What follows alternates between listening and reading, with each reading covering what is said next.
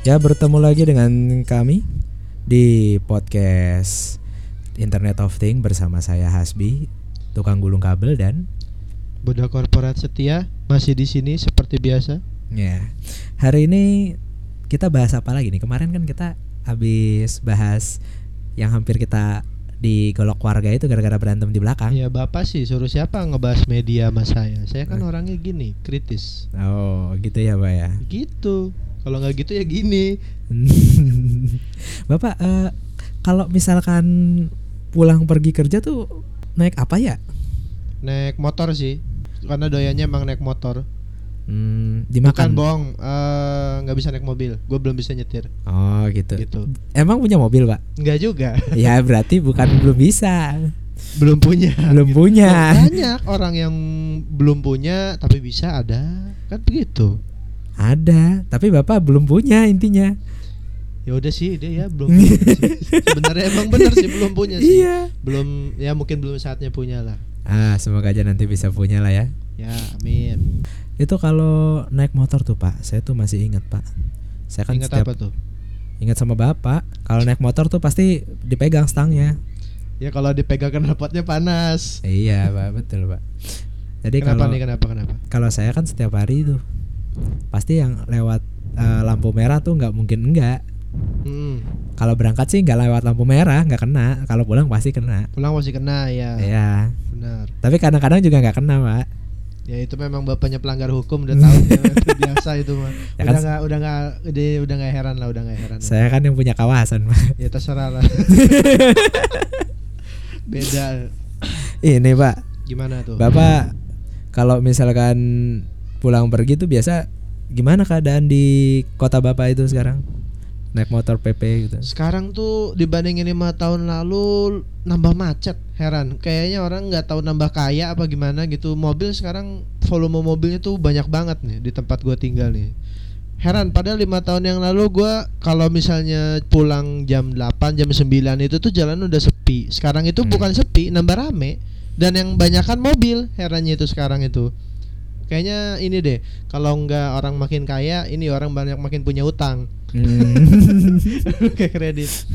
itu, Pak, kemarin kan saya naik motor Pak ya lewat lampu merah nih. Ah, Terus saya berhenti lampu merah. ya. Gimana gimana terus? Ada apaan Nah. di situ? Lampunya merah, Pak. Ya tahu sih kalau lampunya hijau bapak jalan nggak mungkin Iya, berhenti. Klaksonin pasti. Iya, ngomong soal lampu merah nih, pernah nggak sih? eh lu lagi lampu merah nih ya, Iya. Pak ya. Terus lu lihat nih depan lu nih ada motor gitu misalnya, lagi boncengan, Hmm. eh, laki perempuan lah gitu, Hmm. umurnya umur-umuran 30-an mungkin. Hmm. Lu pernah gak sih mikir yang aneh-aneh gitu kayak misalnya ini kita nggak tahu ini yang di depan gue gitu. Gue nggak pernah tahu yang di depan gue ini ternyata bukan pasangan beneran. Maksudnya pasangan selingkuhan gitu.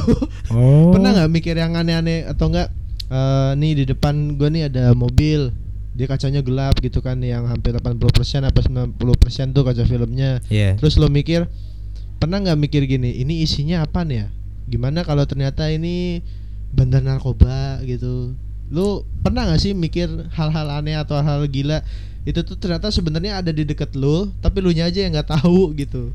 Kalau itu sih pernah sih bang ya.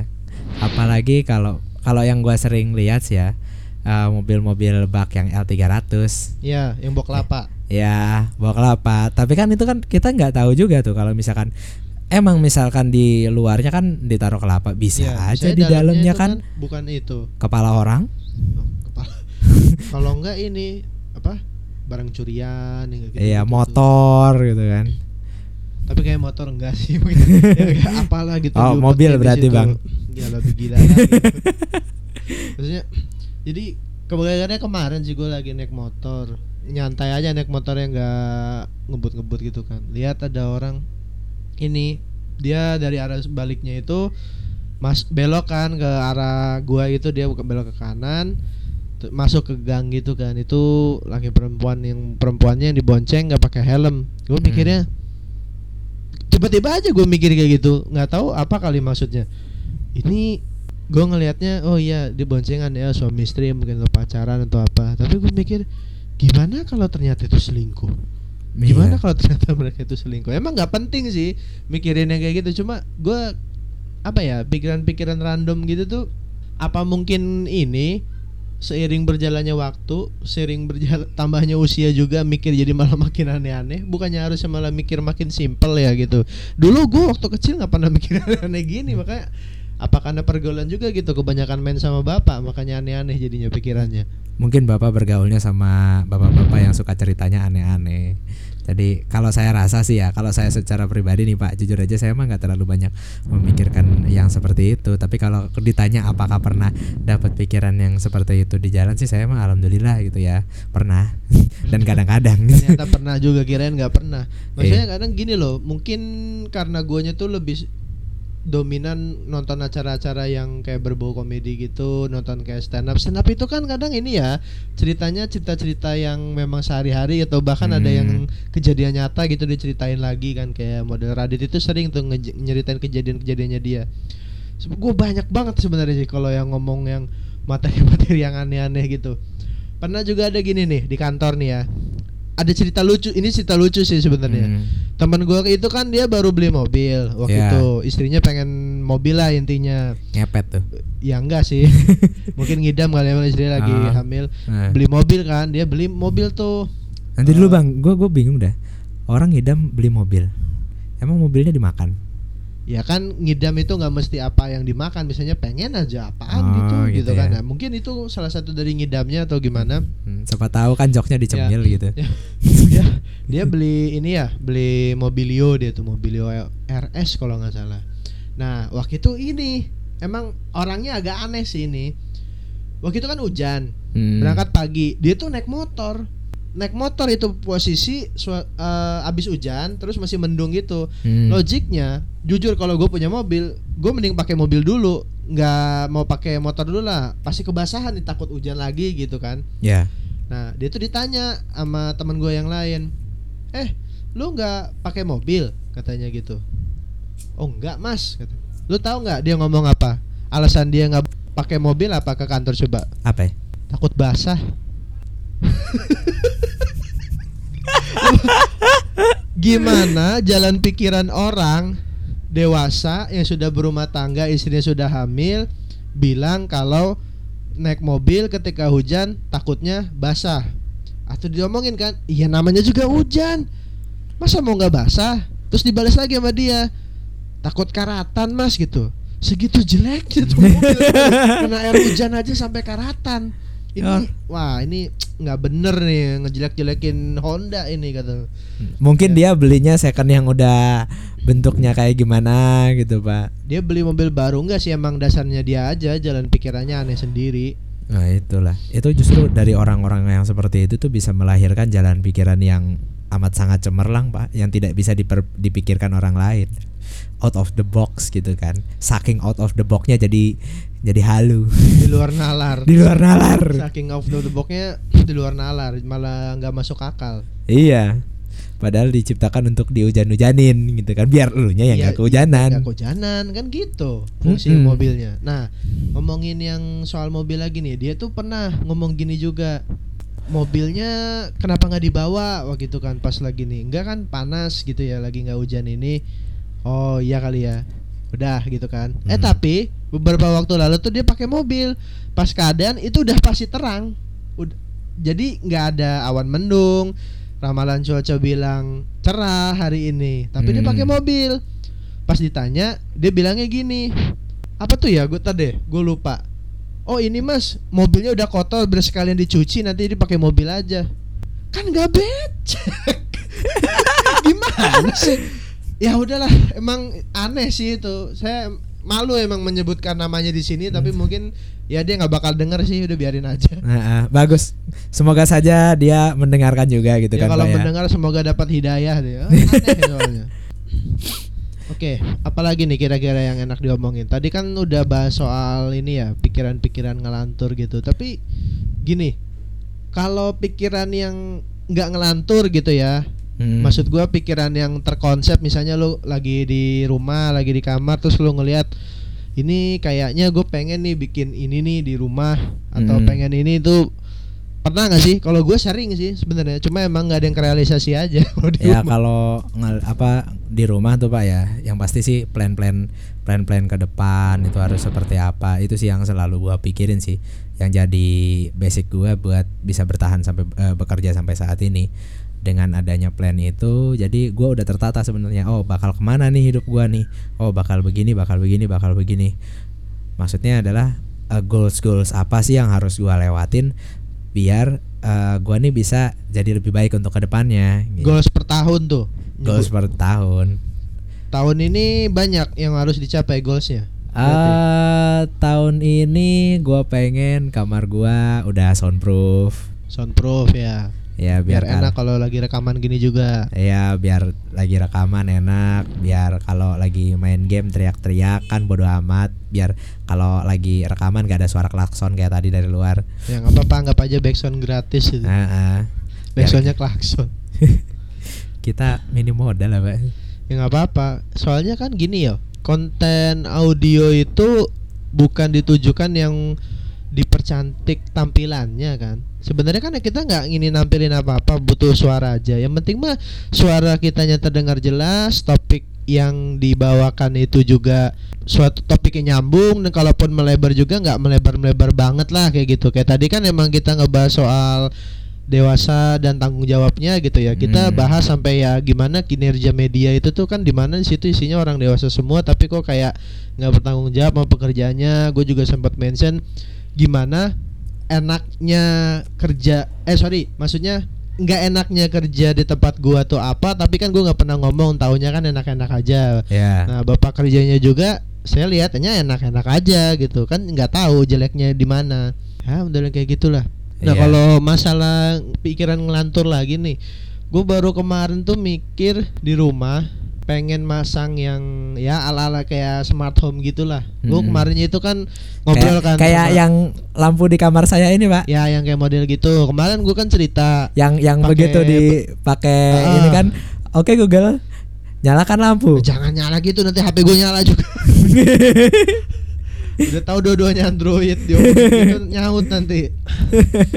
Terus ya kemarin kan gua ngomong kan ke bokap gua gini gini gini gini pakai ini bisa. Oh tuh emang bisa ya? Emang ada yang pakai itu? Pakai tuh si tukang gulung kabel kan gue bilang kayak gitu ke bokap. Oh tuh pakai gitu. Iya pakai di rumah. Jadi kalau sore lampunya berubah sendiri ini gini gitu kan gue bilang. Ya itu tuh satu. Kalau mau bikin gitu gitu gampang. Mau bikin ada kamera lah CCTV atau apa yang penting satu di rumah ada internet dulu ya gitu gue bilang ya tiap diomongin gitu sih nyokap gue bilang ya kemahalan lah apa bulanannya padahal sama sebenarnya udah mendingan bayar gitu ya 300 ribuan buat sebulan internetnya puas gitu kan ya Enggak, kalau modelnya. kalau smart home yang bener-bener eh, yang kayak di rumah gua ini, bah eh, dia itu ada kayak sistem apa namanya timernya gitu bang. Jadi ketika misal jam berapa itu dia nanti nyala sendiri. Jam ya, berapa? ya, ya. Jadi ketika internet mati nih bahkan ketika gini ya, ya dia nge-save kan dia tapi- nge-save, dia nge-save. Nanti jam berapa ini lampu ngeredup sendiri, nanti Ya. jam berapa lampu ini mati sendiri? Ya ya. Itu kayak gitu bisa. Jadi nggak nggak perlu lu matiin nggak perlu lu nyalain pada jamnya ya nyala sendiri. Nggak perlu yang namanya lu misalkan lagi mudik titip kunci buat nyala matiin lampu biar kayak Iya, ada orangnya. Ya, ya nggak perlu. Bahkan kalau perlu ini bisa buat ngerjain maling segala kalau ada maling kan. ketahuan. iya iya Nyalain TV sendiri gitu misalnya atau Hmm. apa nyalain apa gitu. Mm-mm. Ya, ya. kayak gua aja kan Iya. di, di kamar ini ya ala kadar ala kadar aja sih yang kayak cuma lampu apa PC yang bisa nyala sendiri ya, ya, ya. gitu-gitu doang. Jadi eh, bahkan kalau misalkan terkoneksi dengan internet, kita misal nih kayak gini, bisa dengan sensor apa namanya GPS. Ah, Nah, benar. ketika kita berjalan dengan GPS itu, bang, eh, kita misalkan lagi nggak ada di rumah, kita begini, ya, dia tahu kalau kita pergi. ya kan? Ya, ya. Mati itu lampu. Ya, dia tahu kalau dia udah di tag kalau misalnya udah jauh dari rumah gitu. Iya. Nah, ketika kita datang ke rumah, lampunya udah nyala duluan, enak. Kalau buat sehari-hari kayak gitu, tapi ketika nanti mau mudik tinggal di setting aja. Oh jam sekian nyala, oh jam sekian mati. Atau misalkan nggak usah dipakai sensor kayak gitu, lu tinggal pakai sensor jam aja setiap jam sekian mati, setiap jam Iya, iya. sekian nyala. Ya ya. Nah ini nih eh kita kan pasti nih ya karena nama podcast kita juga kan Internet of Things pasti ada biasnya ngelanturnya nyambung ke teknologi kan ya. Hmm. Pernah nggak sih lu mikir apa nih ya lanturan atau ngelantur ngahayalnya orang-orang yang lahir tahun 70 80-an?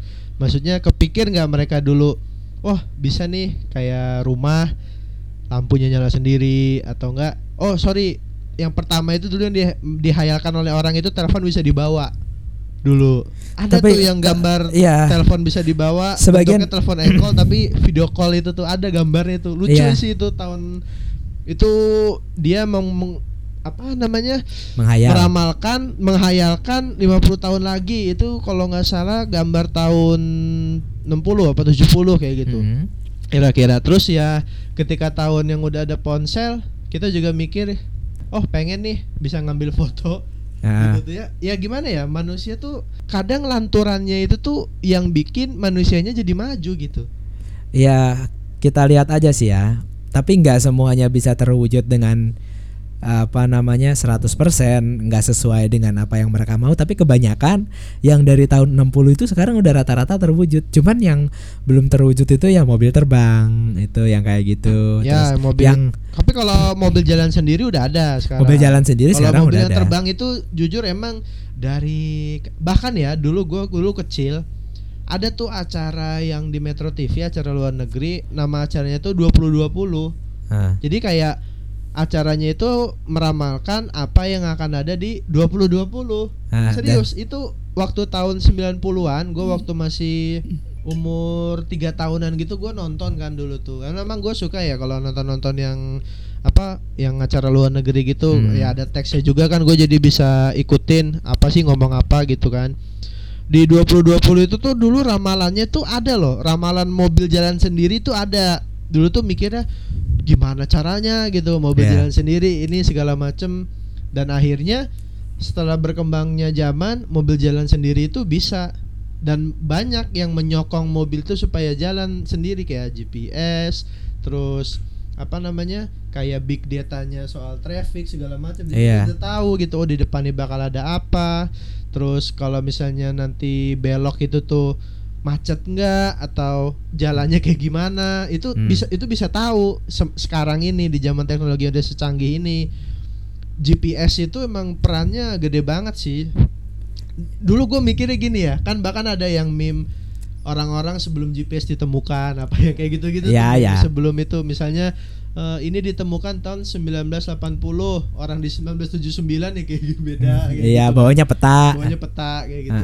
Sebelum- Makanya, hayalan atau lamunannya manusia itu bisa terwujud gitu loh. Em, sebenarnya gimana ya? Memang mungkin itu sih kenapa manusia dibilang yang paling sempurna punya akal pikiran karena itu juga sebenarnya akal pikiran. Buahnya itu ya sekarang yang lagi kita pakai ini yang ya mulai dari smartphone yang alat kita buat nge-record ini segala macem. Dulu mana kepikir sih bisa nge-record tanpa pita iya nggak ada lah dulu mah mana ada nge-record pakai itu eh tanpa pita Mm-mm. nah pita kaset hilang jadi CD oh udah booming terus CD gimana? hilang CD jadi hilang, HDD.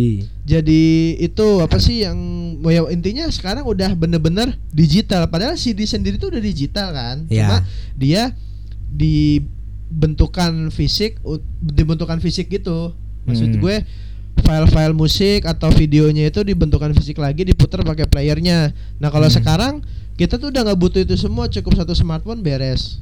Ibaratnya kayak gitu.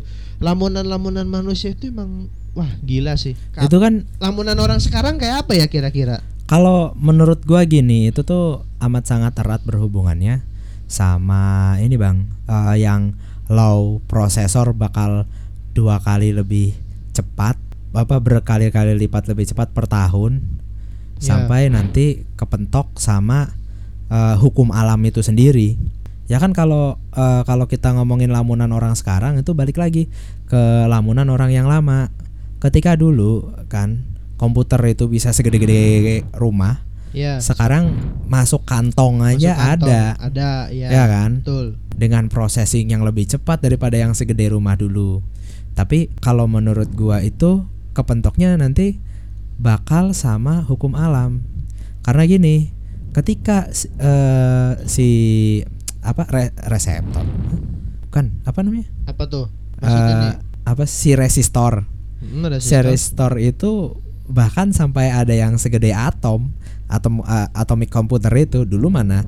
Dulu orang berpikir bahwa eh, komputer bakal bisa eh, ya kayak Kantong masuk gitu, kantong. Nggak mungkin ya gitu Nggak mungkin. terus segede rumah bisa masuk apa kantong. namanya kita bisa bikin sesuatu dari komputer itu kan dulu udah kayak hal mustahil lah gitu kayak nggak Iya. mungkin ya komputer dulu cuma buat kayak tugas-tugas yang apa ya nulis di punch card itu gue kurang tahu sih gue tahu doang itu yang di punch card itu cuma kan revolusionernya itu kan waktu yang Apple itu bikin Mac sama Microsoft ngenalin Windows itu udah mulai komputer itu udah bisa masuk rumah gitu loh walaupun itu Iya. dulu komputer masuk rumah itu apa yang diimpikan Bill Gates itu banyak yang diketahui orang karena mikirnya nggak mungkin komputer itu masuk semua rumah atau setiap rumah orang karena satu komputer aja dulu bisa memakan kos sampai 3000 dolar zaman dulu 3000 dolar gede Iya. sekarang sekitar 30.000 ribu dolar mungkin Hmm. ibaratnya kayak gitu nggak mungkin cuma istilahnya orang-orang terpilih aja yang bisa pakai komputer. Nyatanya sekarang hampir semua orang punya komputer ya. Komputernya bentukannya gini smartphone gini. Hmm.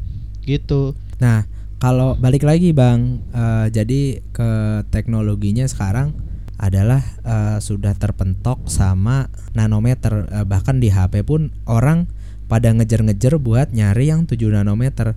Dan itu pembuatannya prosesnya udah ukurannya mikron-mikron kayak gitu nanti ada bakal ke- mikron bakal, gitu. bakal kepen- itu tuh emang bakal naik lagi. Misalkan eh, kita ngomong aja eh, ada 7 nanometer kan Iya, sekarang. iya. udah banyak yang 7 nanometer. Ya ya kan? Untuk prosesor ya prosesor ya prosesor. Prosesor jadi udah kenceng banget hemat hemat daya pula. Mungkin nanti bakal ada lagi di sekitar 5 nanometer. Ya pertama pasti sama apa pun yang baru itu bakal punya harga yang tinggi. Sama seperti apa yang abang bilang tadi kan? Ya Eh, ketika komputer dulu harganya 30.000 ribu dolar processingnya cuman ya satu 3000 dolar untuk hanya itu saja gitu terus mau di, di setiap rumah mustahil kata orang-orang dulu Iya. gitu. Makanya yang jadi hayalannya adalah kalau menurut gua sih ya, pandangan gua adalah eh, ketika nanti komputer dengan resistor sudah mencapai 1 nanometer, ya itu komputernya bisa kecil banget, Bang. Dengan eh, processing unit yang amat sangat kecil dan pembuatan yang amat sangat sulit, mungkin nanti akan ditemukan kembali eh, teknik pembuatan yang yang lebih mudah lebih mudah untuk eh, pembuatan komputer dengan satu nanometer. Eh, Iya, bukan iya. komputer sih, processing unit lah. ya Maksud, intinya maksudnya ya nggak apa-apa sih lo nyebut soalnya gini komputer itu kan dari bahasa yang apa compute ya menghitung Iya. penghitung jadi nggak mesti lo mengkaitkan istilah komputer itu ke PC PC Windows atau Mac OS Macintosh Iya. MacBook itu nggak nggak penting sih soalnya karena artinya tuh udah luas zaman sekarang Iya. karena ya handphone sendiri terus smartphone itu bisa kita ngomong sebagai komputer mini kan itu ada bahkan istilahnya kayak gitu iya.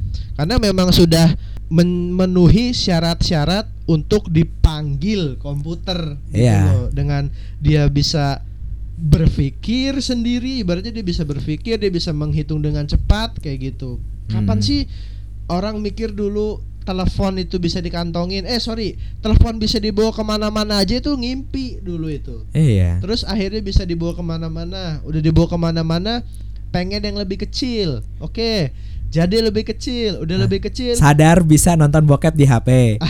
bukan. Jadi lebih gede. bukan, bukan gitu. Nanti dulu. Sadar nih udah kecil nih. Oh pengen bisa moto akhirnya bisa moto nah udah bisa moto udah bisa internetan. Ya kayak tadi bapak bilang akhirnya ngegedein lagi. Oh kayaknya nggak enak nih konten multimedia di sini. Gitu.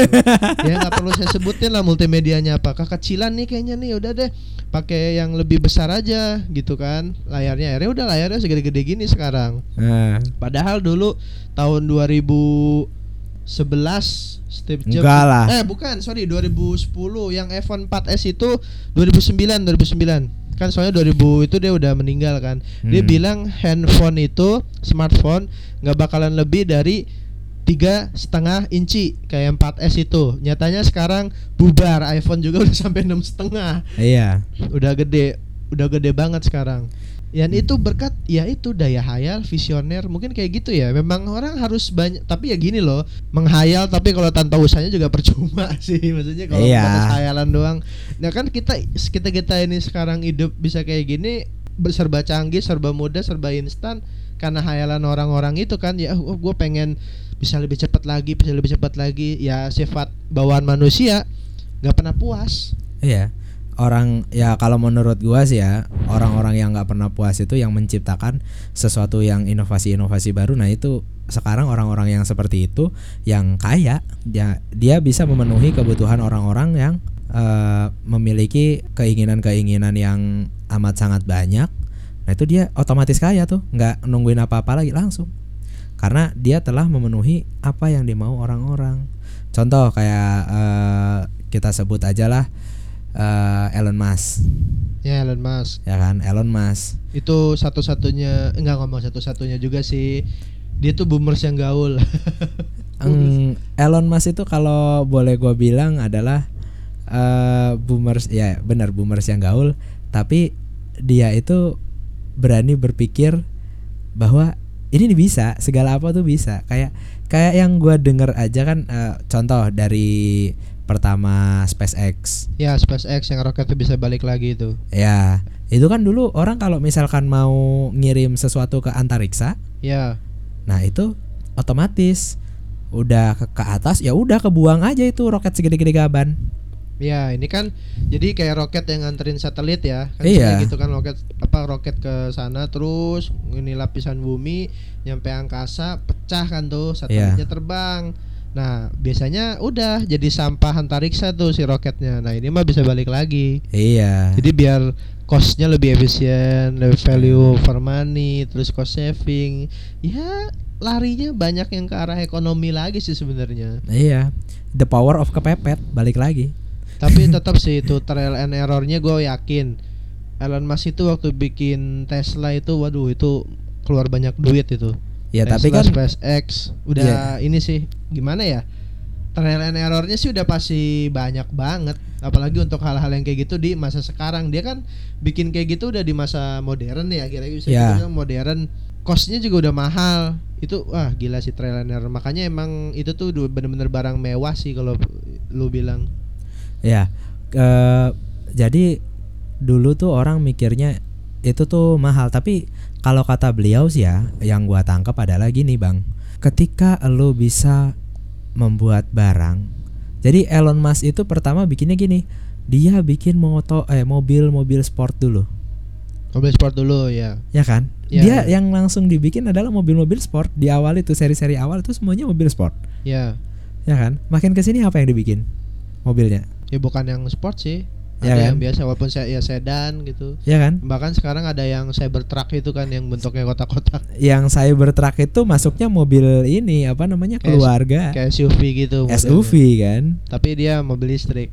iya SUV listrik betul bahkan eh, untuk nantinya mah kalau misalkan sudah bisa lebih murah lagi Ya. nanti orang-orang jadi lebih banyak yang pakai nah itu nanti cuannya di situ Elon Musk itu ngejar cuan di situ begitu terus yang terakhir itu yang sedang dicanangkan dan masih berjalan sampai detik ini adalah eh projectnya untuk virtual reality eh vi- ya kayak ya sawo-sawo gitulah ya Mm. mungkin kayak misalkan kita masuk ke dunia apa namanya virtual Yang mungkin ka- kayak Sao atau enggak Overlord yang Yggdrasil itu. Iya iya kayak gitu kayak gitu. Modelnya kayak Cuman gitu. cuman kan eh, masih terpentok pada eh, teknologi komputerisasi yang masih terbatas sekarang Eh, daya penghitungannya di di mana pun untuk bisa mencapai titik stabil itu pasti butuh penghitungan di atas 5 GHz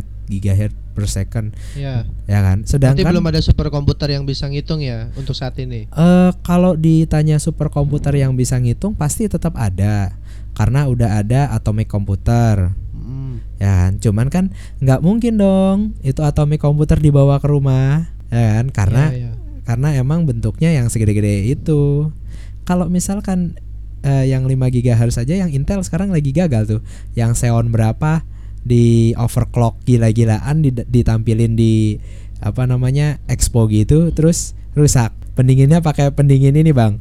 Eh, apa namanya pendingin industrial ya Allah industrial. maksain karena eh, ngejar AMD yang 20 eh 32 core Intel pakai 28 core Xeon di overclock ke 5 GHz dan AMD yang Ryzen. Ryzen itu udah 32 terus eh, 4, koma sekian gitu Ya, ya, tapi ya. stabil nah Intel ngejar 5 GHz Hmm. dan sampai sekarang masih belum mungkin nanti bakal lebih bisa lagi Intel untuk ngejar 5 GHz Hmm. Nah, eh, kalau kita ngomong eh, perkembangan dari zaman dahulunya, eh, kita sebut aja di tahun 2000.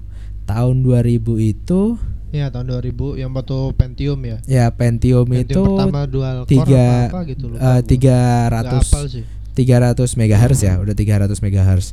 Itu Ya, 300 MHz itu udah bagus banget, Bang. Nah, sekarang 20 tahun kemudian orang udah ngejar sampai 5 GHz Hmm, dengan betul. core yang banyak banget. Ya, Nan, ya. itu sudah di eh, arsitektur 10 nanometer ya udah kecil banget. Nah, itu Nanti ketika perannya iya gimana gimana? ketika ke depannya yang hayalan gua adalah ketika dari 10 nanometer aja udah bisa menciptakan 5 GHz yang masih belum stabil, itu bisa jadi berapa kali lipat nanti ketika udah nyentuh 1 nanometer. Ketika nanti satu saat udah bisa segede 1 nanometer, itu gua yakin seyakin-yakinnya komputer di rumah itu udah satu biji doang. Misalkan dibawa sama lu di HP lu, terus nanti di rumah tinggal dicolokin ke mana atau misalkan didiemin eh, by wifi atau oh apa iya gue ngerti Jadi- maksud lo. Jadi satu perangkat aja udah bisa ngapa-ngapain ya gitu. semuanya nah, bisa Ini soal yang prosesor ini juga nih ada uniknya. Gua kan kalau untuk yang PC gue kurang ngikutin, tapi kalau untuk mobile yang kayak Qualcomm gitu gue sempat beberapa kali ngikutin. Dia kan tahun ini launching yang 865 ya, SD 865 yang udah support 5G itu. Nah, ini uniknya. Dia itu nanti bakalan untuk support di komputasi. Jadi support di Windows gitu loh. kalau yang itu kan udah jalan bang Nah, gini maksud gua, itu jalan tapi basisnya kan masih basis ARM aplikasinya. Gini maksud gue, posisi yang sekarang komputer-komputer yang kita sekarang pakai ini kan pakai yang prosesor yang untuk komputer nih. Maksud gua, yang ini nih dipakai sama kita end Hmm. user. Nanti itu tuh yang ada di handphone itu tuh pindah ke PC-PC yang di orang gitu loh. Di maksud gua. laptop. Nah, di laptop. Nah, nanti yang di laptop ini yang mungkin nanti sep- 10 nanometer versi yang untuk komputer yang bakal nanti untuk di server atau server komputer itu udah lebih gila lagi performanya. Ya makanya kan always connected PC itu memang bukan ditargetkan sih ya. Emang harusnya tahun ini tuh udah melebar lah intinya. Maksud gue jadi PC-PC ini nih, komputer ini tuh udah bisa dipasang SIM card kayak Mm-mm. gitu. Terusnya lo nggak mesti connect wifi dia juga udah connect fi- 4G bahkan 5G kalau yang udah support. Jadi kayak gimana ya? Untuk nanti peran di handphonenya lagi itu udah jelas lebih kecil lagi bahkan nanti tuh mungkin istilahnya semuanya sama nih beda ada klasif classifiednya aja gitu nih untuk komputer yang superkomputer ini untuk komputer rumahan untuk yang handphone nih kayak gini kayak gitu. Karena yang Qualcomm ini doang nih produk Qualcomm ini doang yang udah bener-bener bisa efisien gitu loh. Jadi bisa bikin laptop itu tuh udah kayak handphone.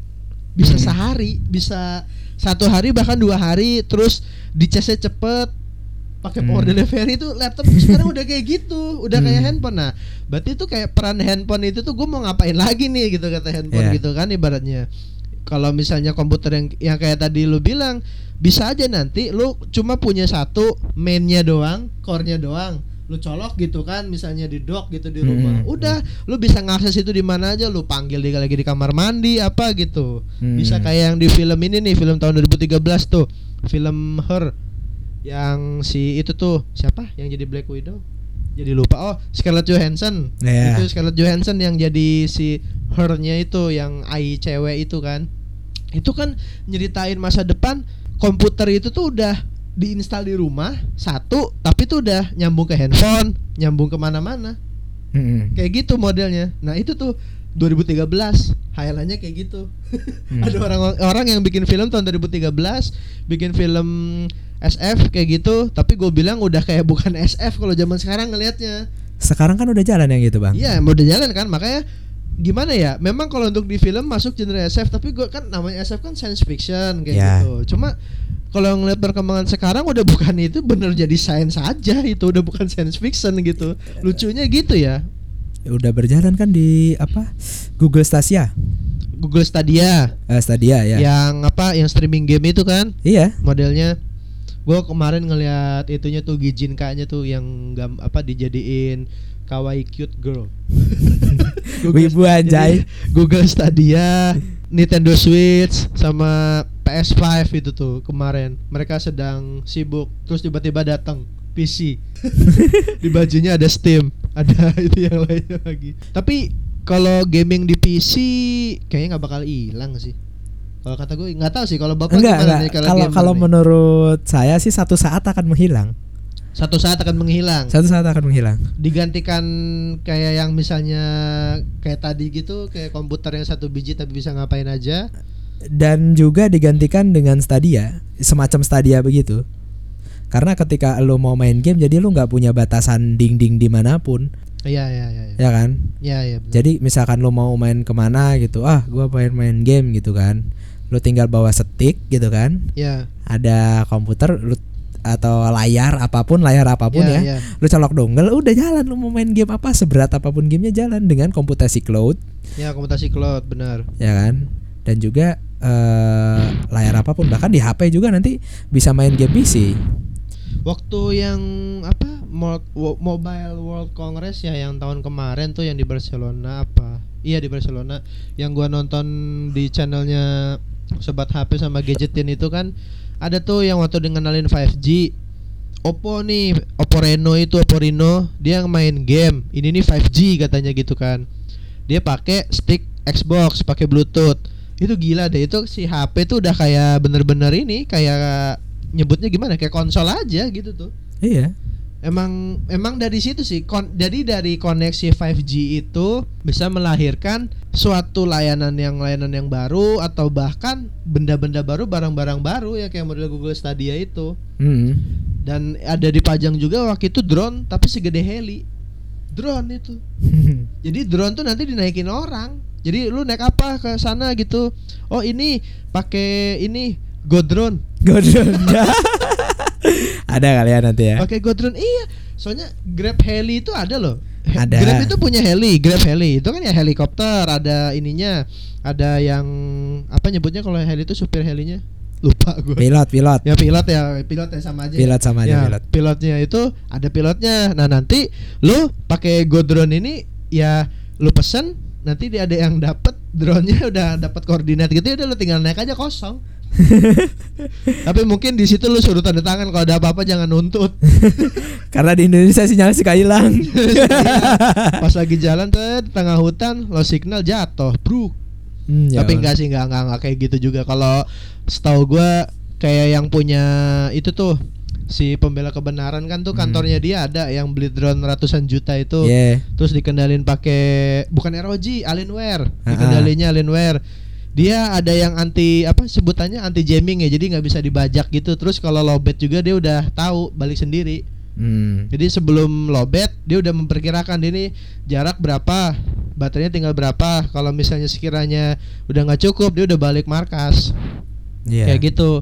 Itu aja udah keren banget kan gitu. Tapi itu masih bentukan drone masih maksud gue nggak bisa dinaikin apa apa gitu. Ya. tapi memang bisa sih sekarang kan drone-drone itu udah bisa kayak nembak apa segala macam udah bisa. Nah Hmm. tapi belum yang kayak buat ini evakuasi korban atau apa kan tuh belum. Karena belum bisa ngangkat apa apa drone drone kan cuma buat jadi mata-mata doang gitu tuh sampai Ya. sekarang. Sama ya kayak mungkin bisa melumpuhkan ini ya melumpuhkan si musuh kayak gitu kan dengan senjata seadanya dia itu. Ya kalau untuk yang di bidang militer pasti ada sih senjatanya.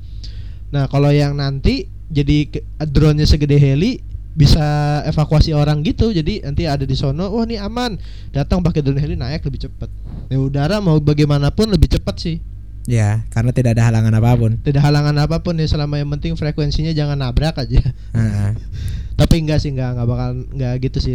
Kurang apa sorry nggak ada ya kalau di laut atau di udara kayaknya kalau nabrak gitu mungkin pernah ada gue nggak tahu tapi kecil banget gitu nggak kayak ya jelas nggak kayak di darat lah Ya darat tabrakan tiap hari pak. ya kalau itu kecil banget lah udah lama nih ya kayaknya nih ngobrolnya Iya nggak kerasa ya pak. ya ini gara-gara ngobrol lamunan doang kan nih Heeh. jadi panjang begini Gara-gara ngelamun tiba-tiba jadi konten kita mah gitu aja udah. Iya gitu-gitu aja kontennya ngelamun diomongin konten Ya. Nanti kalau ada apa lagi kepikiran, oh mau bahasnya apa, tiba-tiba bahasnya yang lain. Emang bangsat.